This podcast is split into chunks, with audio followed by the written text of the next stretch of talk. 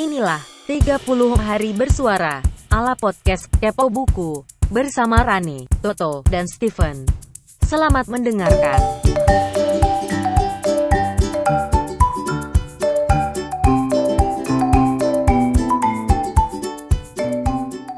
Balik lagi ke Kepo Buku, lo masih bareng gua Rane Hafid. Ini udah dua hari berturut-turut gua ngisi ya di 30 hari bersuara. Sehari lagi gue dapat giliran berturut-turut, gua bisa dapat piring cantik, men.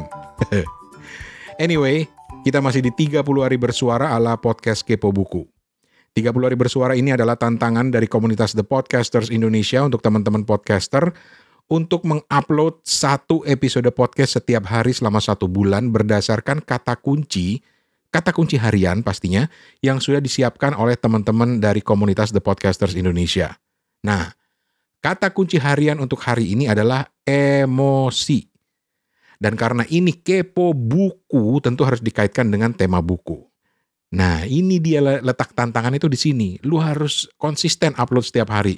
Dan untungnya host kepo buku itu ada tiga, jadi kita bisa gantian dong, lumayan lah kadang-kadang juga waduh tuh kata kunci ini gimana ya maksainnya ke, ke ke topik buku ya kita harus mencari dan kita harus menantang diri kita sendiri dan alhamdulillah so far udah hari ketujuh dapat dapat aja kok kaitannya oke emosi emosi itu nggak selalu dikaitkan dengan kemarahan kan bisa juga terkait dengan tingkat emosi lo baik yang sedih senang dan pastinya juga marah nah kali ini gue mau berbagi buku yang bisa menggugah emosi lo menurut versi gue ya, menurut versi gue karena ada latar belakangnya. Kalau lu ada versi lain ya bebas, kita bisa sharing sama-sama di sini. Nah buku yang gue mau bagi ini adalah Wonders karya R.J. Palacio. Ini menurut versi gue ya, belum pernah gue nemu buku yang bisa mengaduk-aduk emosi seperti buku karyanya R.J. Palacio ini. Sampai-sampai gue pernah kirim email ke dia begitu selesai baca buku itu pertama kali, dan kagetnya email gue dibales men, dibales sama RJ Palacio. Nggak nyangka aja gitu. Mungkin karena waktu itu bukunya belum terlalu terkenal ya. Nah, um, Wonder ini sebenarnya udah pernah dibahas di salah satu episode Kepo Buku, tapi gue mau cerita dari angle yang lain mungkin. Jadi, Wonders ini bercerita tentang seorang anak istimewa bernama August Pullman atau panggilannya Ogi. Ogi ini punya kondisi genetik yang membuat wajahnya itu apa ya istilahnya ya? bukan rusak sih, tapi kalau dalam bahasa Inggris itu disfigured gitu. Jadi tidak sesuai dengan wajah orang kebanyakan gitu.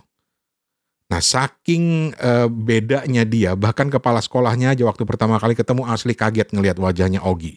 Nah, di sini uh, pembaca udah bisa mengira-ngira kurang lebih seperti apa ya wajahnya gitu. Sebenarnya Wonders ini udah dibikin film dan menurut gue penggambaran wajah disfigurednya si Ogi ini masih kurang tepat gitu loh. Karena tidak sama dengan yang ada di gambaran gue. Tapi ya tiap orang punya persepsi sendiri ya. Lanjut lagi ke ceritanya. Jadi awalnya si Ogi ini disekolahkan di rumah sama orang tuanya ya karena kondisi dia. Dan juga karena waktu itu awal-awalnya kondisi kesehatan dia juga melorot banget.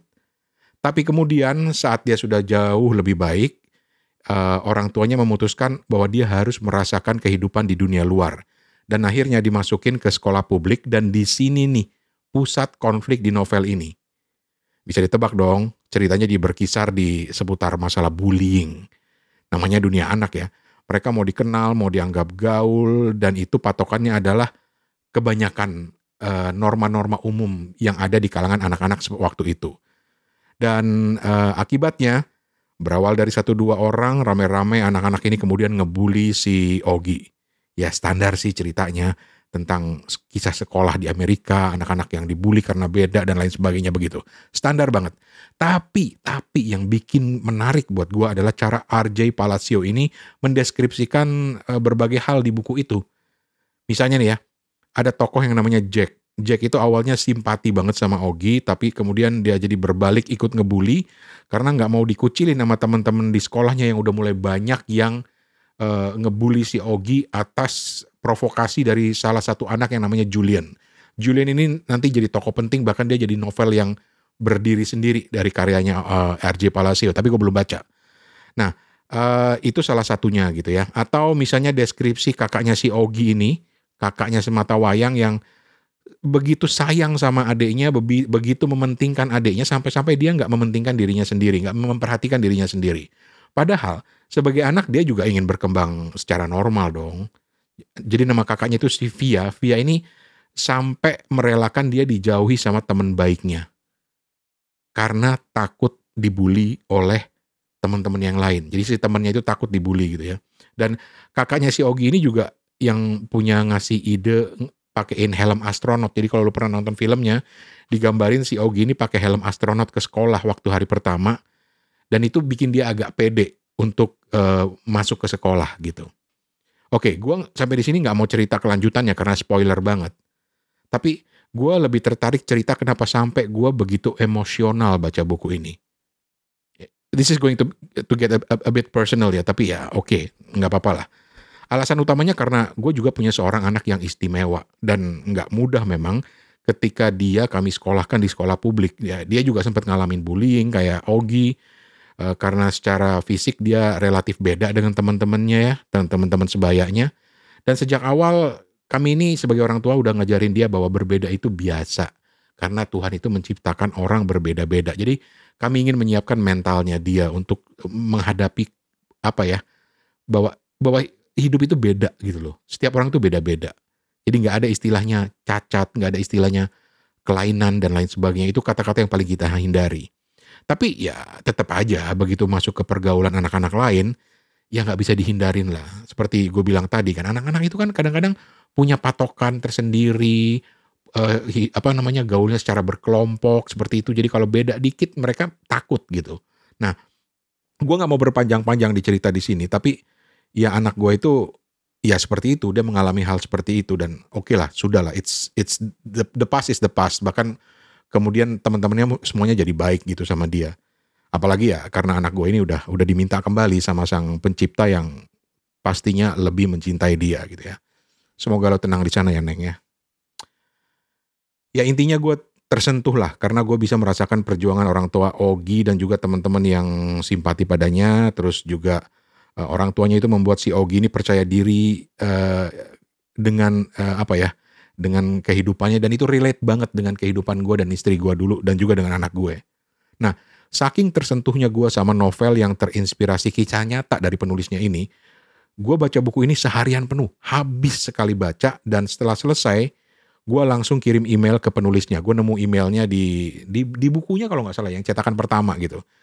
Dan ini terjadi sekitar 8 tahun yang lalu waktu kami sekeluarga masih tinggal di Jepang. Jadi waktu itu gue ingat gue belinya di Kindle. Jadi gue lagi nyari-nyari buku Kindle yang baru dan nemu Wonders ini dan penasaran gitu. Dan beberapa hari kemudian email gue dibalas men. Dan si RJ Palacio itu membalas cuma untuk bilang terima kasih dan senang karena bisa menginspirasi. Karena di email gue gue bilang lu udah menginspirasi gue dan mungkin orang-orang tua lain yang yang punya anak uh, yang yang istimewa lah istilahnya gitu. Ah, Guys, dunia ini nggak seragam. Setiap orang berbeda dan ada yang memang dikehendaki Tuhan untuk punya anak yang berbeda pula gitu. Nah, buat gue buku ini menginspirasi kami para orang tua uh, dan berhasil memperbaharui tekad kami untuk membesarkan anak uh, dengan sebaik mungkin di tengah derasnya arus perbedaan itu. Ya, begitulah. Gitu aja sih yang gue mau cerita kali ini. Uh, mohon maaf kalau agak terdengar emosional, tapi ya dari segi kata kunci berhasil dong. Gue berhasil menerjemahkan kata kunci harian emosi ini yang relevan dengan buku, walaupun agak-agak personal. Mohon maaf kalau dianggap terlalu personal. Sekian kepo buku edisi 30 hari bersuara ini. Selanjutnya gue oper ke Steven Sitongan di Ambon untuk ngisi hari ke-8 besok dengan kata kunci yang tidak kalah menantang, yaitu jenuh. Wah, ini seru nih. Apa yang kira-kira bikin Steven jenuh dalam urusan buku atau apakah ada buku tertentu dengan tema jenuh yang mau dia share? Kita tungguin besok. 30 hari bersuara adalah gagasan dari komunitas The Podcaster Indonesia.